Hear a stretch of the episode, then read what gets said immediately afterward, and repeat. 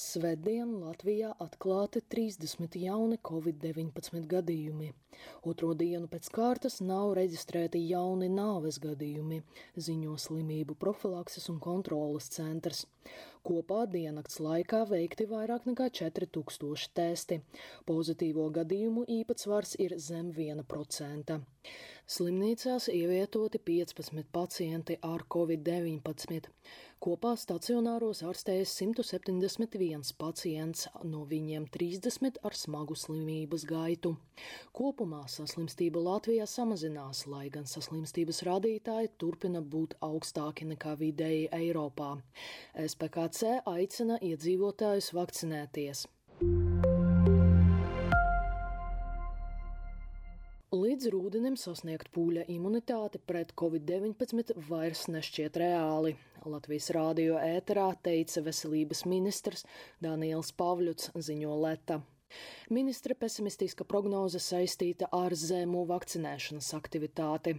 Pavļuts atzina, ka nav pamata uzskatīt, ka rudenī vīrus neatgriezīsies, bet dēļ koronavīrusa delta varianta saslimstības pieaugums var notikt jau vasarā.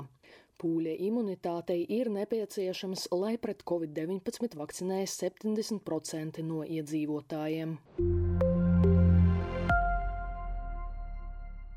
Vēl nav zināms, kāda lietotne Covid-19 Verify kļūs pieejama Android vietāluņu lietotājiem. Šobrīd Nacionālais veselības dienas sadarbojas ar Google jautājumos par lietotnes privātumu politiku. Tikmēr Android lietotāji var izmantot mājaslapu Covid-19 certifikāts.lv, lai uzrādītu savu certifikātu. Vairākās valstīs pasliktinās epidemioloģiskā situācija.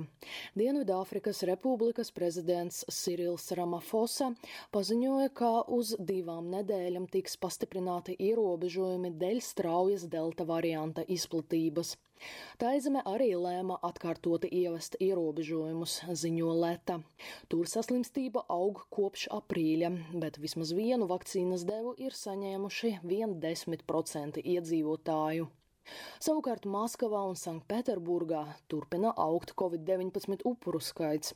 Pēdējo 24 stundu laikā pilsētās reģistrēts lielākais nāves gadījumu skaits kopš pandēmijas sākuma - 124 nāves gadījumi Maskavā un 110 nāves Sanktpēterburgā. Krievijā izplatās Covid-19 delta variants. Covid-19 dienas apskatu sagatavoja Ksenija Kaļesņikava, portāls Delfi.